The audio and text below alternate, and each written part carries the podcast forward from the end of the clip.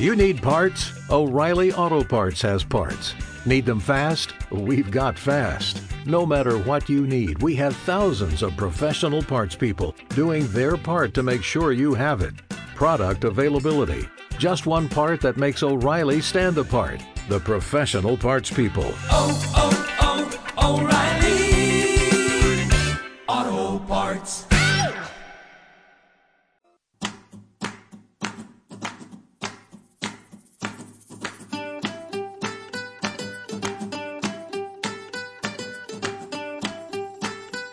les piles, al magazín de Ràdio Mollet.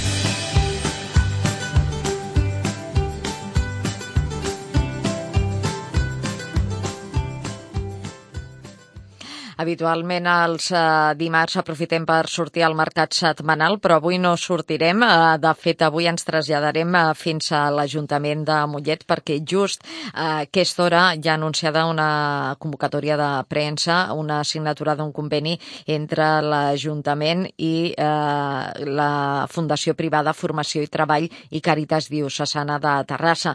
De manera que connectarem amb el nostre company Joel Gascon, eh, que ha anat a cobrir aquesta convocatòria. Molt bon dia, Joel. Hola, bon dia, Emma. Doncs, Ha començat o no?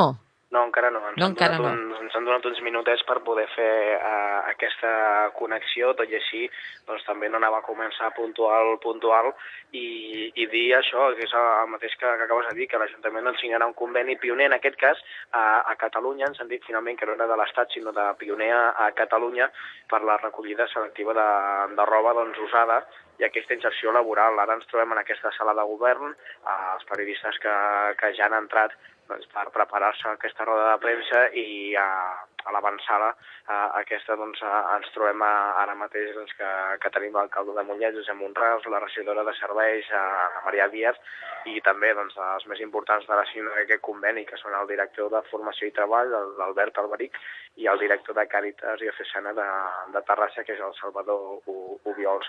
En aquest cas, doncs, el que, el que faran doncs, serà doncs, fer uh, aquesta signatura del conveni i ens explicaran doncs, quina, quines seran doncs, potser doncs, uh, aqu aquests punts més, més importants d'aquest conveni, si el nombre de, de contenidors de recollida de, de roba, si això permetrà doncs, obrir contractes a, a, a persones uh, que tenen, doncs, uh, en aquest cas, doncs, dificultats i també ja sigui socials i econòmiques de la ciutat que puguin treballar doncs, uh, en, aquest, en aquest procés de, de recollida i, i, com a, i com es farà. Per tant, que nosaltres, doncs, a, des, després de- d'aquesta convocatòria, doncs, a l'informatiu de, de la UNA, doncs, els oients doncs, ho, ho podran, en aquest cas, doncs, saber exactament en què consistirà doncs, aquest conveni. Pareu atenció amb aquest compromís del Joel, que a l'informatiu de la UNA ens explicarà allò doncs, en què consistirà ben bé aquest conveni, quants eh, contenidors tindrem a la ciutat, eh, si això generarà ocupació i, a més a més, eh, a veure si ens poden desvetllar doncs, perquè és pioner a Catalunya, que, que és el que el fa pioner. No? Doncs sí, la, la veritat que sí que estem una mica en aquesta intriga doncs, doncs de què serà, què, què hi haurà de nou, perquè abans ho comentava Emma, doncs aquests contenidors sempre hi ha hagut, ja sigui doncs, en aquest cas d'una entitat o, o d'una altra, per tant doncs, eh, veurem si són potser novetats fins i tot a l'hora de fabricació d'aquests contenidors, si també són a l'hora estratègicament posats a, a, a la ciutat en punts que potser han detectat que se'n recollia més, això ja són una mica eh, intuïcions del que, pot, a, del que pot a, arribar a ser.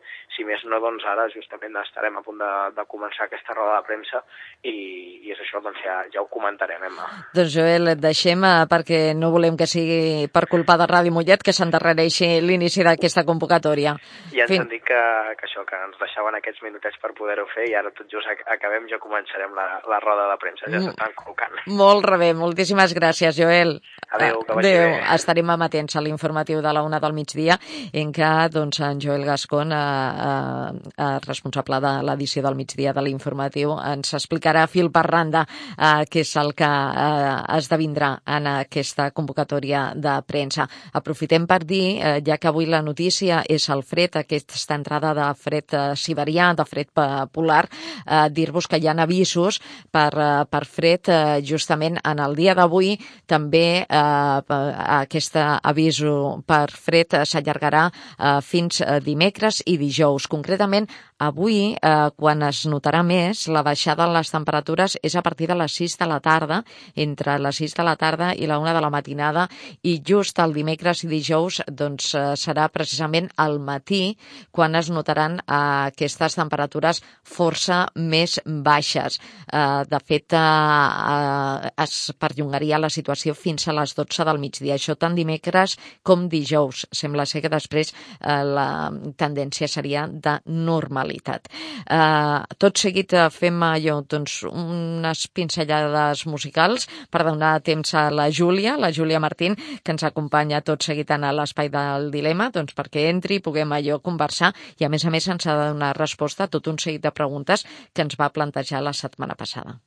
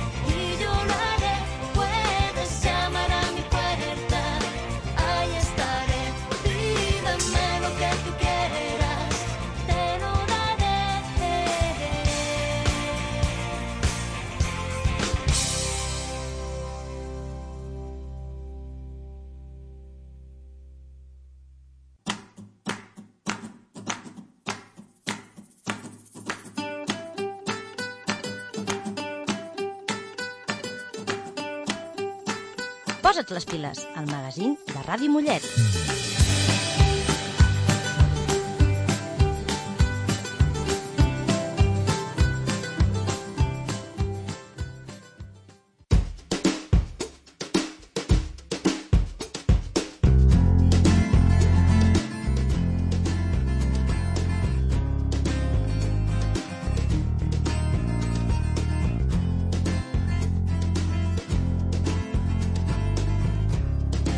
Benvinguts al programa a l'espai, millor dit, al dilema que compartim amb la llicenciada en Filosofia, Júlia Martín. A més a més, també és màster en bioètica i amb ella doncs, parlem precisament això de situacions de bioètica. Benvinguda, Júlia, com estem? Hola, bon dia. Molt bon bé, dia. Uh, està una mica angustipada, si la Sí, sentim allò sí, tossir sí, pel mig del programa, doncs uh, és l'època de, de l'any. En tot cas, uh, ja la setmana passada la Júlia, en començar aquest uh, 2017, ens proposava un tema nou, ens posava un tema nou a sobre la taula en la que doncs, uh, ens plantejava si es pot esterilitzar amb una dona que pateix un trastorn mental. En aquest cas ens explicaves uh, una dona Esquizofrènia esquizofrènia. paranoide i que més vol ser mare. Doncs, eh, en tot cas, per aquelles persones que potser us vau perdre a l'espai de la setmana anterior, on eh, la Júlia ens explicava aquesta situació, ara ella ens eh, proporciona un petit eh, resum eh, per eh, posar-nos novament allò al dia.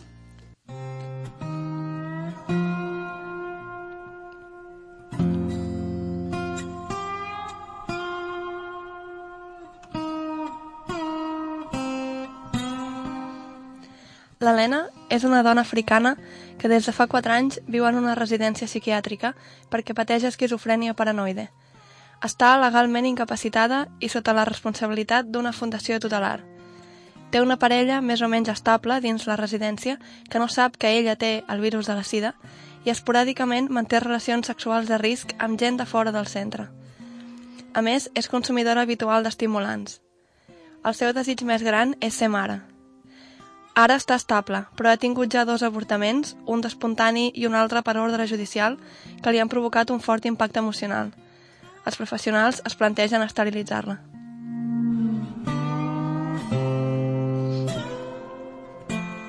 Aquest és el petit apunt que ens eh, fa doncs, eh, recordar eh, la història que ens eh, posava sobre la taula, com dèiem a la Júlia.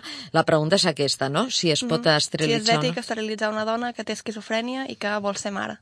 Anem a recordar una miqueta els actors d'aquesta situació. En primer lloc, la noia, l'Helena. En segon lloc, la Fundació Tutelar, que és el representant legal d'aquesta persona perquè està incapacitada. I, finalment, els professionals responsables de la residència on ella viu. Eh, la pregunta d'ella és si es pot o no esterilitzar amb una dona amb esquizofrènia que vol ser mare, però hi ha, hi ha d'altres qüestions a les quals també haurien de respondre, Sí, no? vam llançar tres preguntes al final de l'últim dia. La primera era si estar incapacitat vol dir no poder prendre cap decisió i, per tant, doncs, si les persones amb trastorns mentals poden o no poden prendre decisions. La segona pregunta era, uh, fent referència en aquest cas concret, qui decideix si aquesta persona, l'Helena, és competent o no per la, prendre la decisió de ser mare. I en tercer lloc, independentment de qui ho decideixi, si és o no és competent aquesta persona per prendre la decisió de ser mare i assumir-la. És a dir, si l'Helena és o no. Exacte, no? sí, sí. Eh, doncs eh, la primera que ens planteges és el tema de la incapacitat. Anem a explicar que, no? Mhm. el que és, eh, o, o en termes allò mèdics o legals que entenem allò per incapacitat. Sí, la incapacitació és una mesura de protecció d'una persona a qui un jutge ha declarat incapaç uh, per causa d'una malaltia o una deficiència física o psíquica que li impedeix governar-se a ella mateixa. Per tant, aquesta persona, des d'un punt de vista legal, tindrà minvada la seva capacitat d'obrar i no podrà realitzar certs actes um, jurídics ni administrar el seu patrimoni. Això ho farà un tutor legal en nom seu, que pot ser una persona física o, com en aquest cas, una fundació o un organisme tutelar. És a dir, el que queda clar és que eh, és eh, amb, doncs, eh, una sentència per part d'un jutge el Sí, que sí, sí, la d'haver una sentència judicial, sí. Perfecte. Aleshores, la capacitat d'obrar podem dir que és la competència per prendre decisions i actuar en conseqüència, i aquí el que és important és que la limitació en la capacitat d'obrar que tenen aquestes persones eh, no és la mateixa per tothom, sinó que el jutge estableix en quin grau cada persona incapacitada té eh, limitada la seva capacitat d'obrar o no. Eh, és a dir, no és que una persona incapaç no sigui competent per prendre cap decisió, sinó que no és competent per prendre certes decisions, però pot ser competent per prendre'n d'altres. I la limitació aquesta en la capacitat d'obrar serà proporcional a la gravetat de la malaltia psíquica Mhm. o, o física que tingui. Uh, I a més a més pot ser fins i tot que, uh, per exemple, en, en persones que tenen malalties mentals cícliques, que tenen fases de brot i fases de lucidesa, decisions que no poden prendre en fase de brot sí que les puguin prendre en fase de lucidesa. Per tant, la capacitat per decidir depèn no només de cada persona, sinó de cada decisió i del moment en què es pren la decisió. Per tant, eh, en definitiva, persones amb, amb trastorns mentals poden ser competents en determinats moments per prendre determinades decisions. Queda clar. Uh -huh. uh, imaginem que, evidentment, aquesta sentència de judicial, aquesta decisió del jutge, doncs, uh, està acompanyada de tot un seguit d'informes mèdics, no? Mm, exacte, que, sí, que valen uh, doncs, uh, la situació d'aquesta persona que pateix una malaltia en concret. Has dit que pot ser tant de caire psíquic com físic la que Sí, pugui sí. doncs, uh, incapacitar. Exacte. Molt bé. Uh, Uh, pel que fa a la segona pregunta, sí? que era qui ho decideix, uh, bé, com hem dit, uh, en termes generals decideix el representant legal de la persona incapacitada, que pot haver estat establert en un document de voluntats anticipades o en un procés previ de presa de decisions anticipades. Si no hi ha cap representant legal establert prèviament, normalment assumeix aquesta funció un familiar i si tampoc hi ha familiars, eh, doncs la tutela queda en, funció, eh, queda en mans d'una fundació tutelar, com és aquest cas, o d'un organisme tutelar. Uh, llavors, a- en el cas de, de l'Helena, dèiem allò que... En aquest cas concret, ah, clar, a banda de la Fundació Tutelar hi ha altres ah, professionals implicats que la tracten i que, per tant, poden tenir informació important a ser tinguda en compte per, per decidir si és competent o no. Hem, havíem anomenat eh, els professionals de la residència on ella viu, però també hi ha eh, els professionals de l'ambulatori de referència que li toca per zona, eh, perquè recordem que aquesta noia estava a la residència des de feia 4 anys, però abans d'entrar-hi tenia un ambulatori amb uns especialistes que li tocaven per la zona on vivia, que els manté encara que estigui vivint en una residència. Per tant, tots aquests professionals poden tenir alguna cosa a dir-hi. Um, clar, aquí es dona una paradoxa que és que uh, els professionals de la residència, que encara que um, no, els, els usuaris no tinguin un professional um, estable amb qui estableixin un vincle, sí que, que els tracten, diguéssim, continuadament, clar, aquests són els que més la coneixen i més informació tenen perquè la tracten en el dia a dia, però en canvi, legalment els que han d'establir el grau de competència són els professionals de referència de l'ambulatori que li toca per zona, que només la veuen esporàdicament, que són el psiquiatre, el psicòleg i la ginecòloga de l'ambulatori que li toca per zona. Per tant, qui ha de prendre la decisió no és qui més informació té i qui més la coneix. Aquí és on hi ha un dels principals problemes.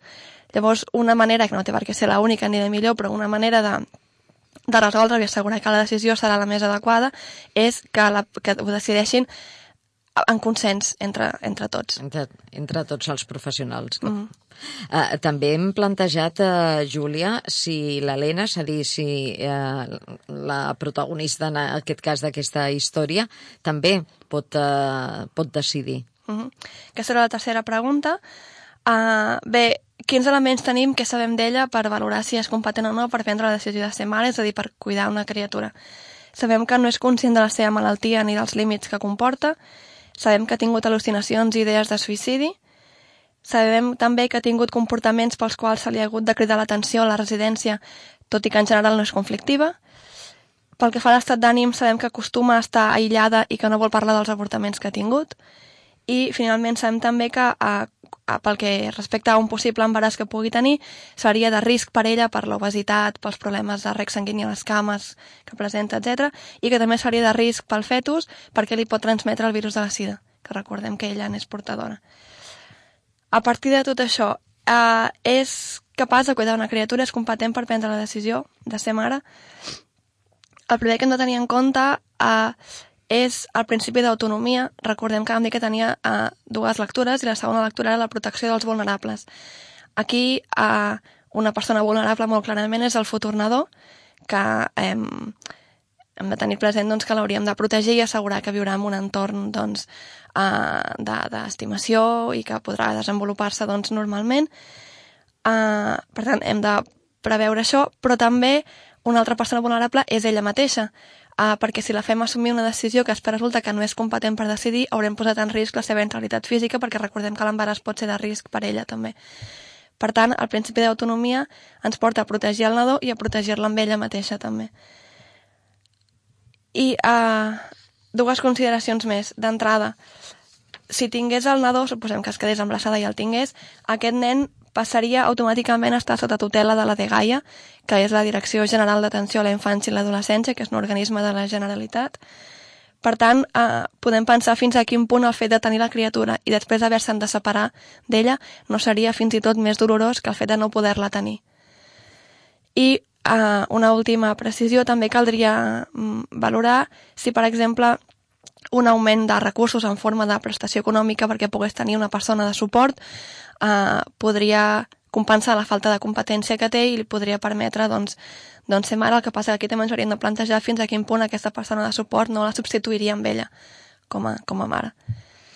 És a dir, com eh, sempre dient en aquestes situacions que ens eh, porta la Júlia fins aquí, fins als estudis de Ràdio Mollet per compartir amb tots vosaltres, no és que tinguin una resposta, sinó que ella el que ens dona són aquestes qüestions que s'han de posar sobre la taula, que tots aquests professionals, la pròpia Helena, doncs eh, eh, participa també d'aquest grau de, de competències, no? de, de, de decisions, però que evidentment eh, la Júlia el que ens diu és hem de tenir en compte doncs, tot això. Bé, doncs Mhm. aquestes són les qüestions que ella ens ha plantejat i també els elements que en aquesta situació els professionals eh, van valorar, perquè recordem que tots són situacions reals, però Exacte, evidentment sí, que sí. hem modificat eh, per... Eh, Hem modificat doncs, una... els noms, aquesta persona no es deia Helena i no he esmentat el nom de la residència psiquiàtrica. evidentment, per una qüestió de protecció de, de dades.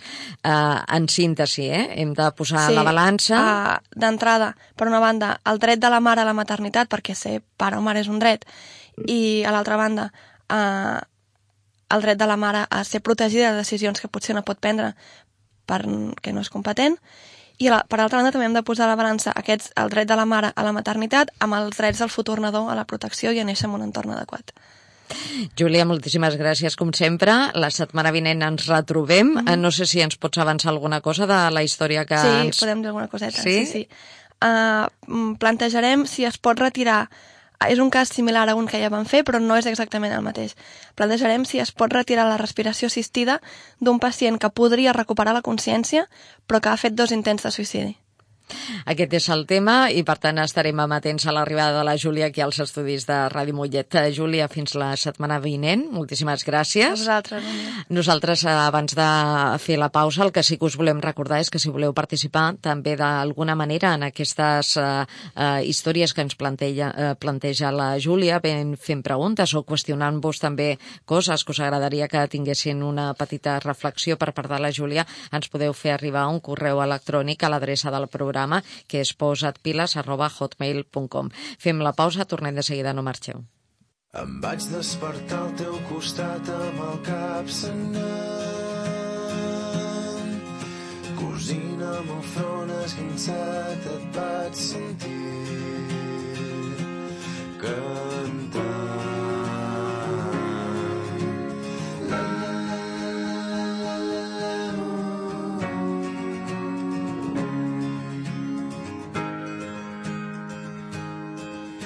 Jo porto un xandall i no vaig quasi mai afaitat. Tu dus xancles i mitjons no veus que estem fets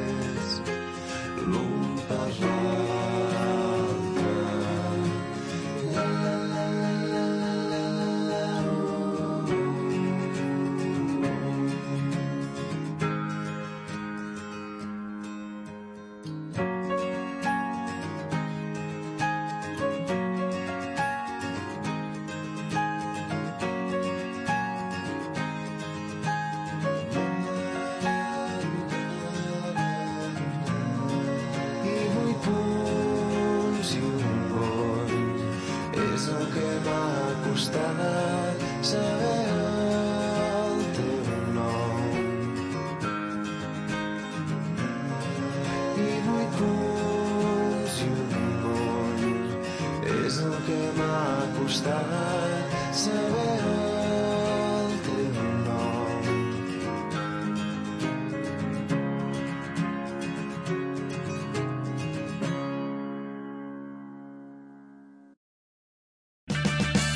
Purchase new wiper blades from O'Reilly Auto Parts today and we'll install them for free. See better and drive safer with O'Reilly Auto Parts. oh, oh, oh O'Reilly. Auto Parts.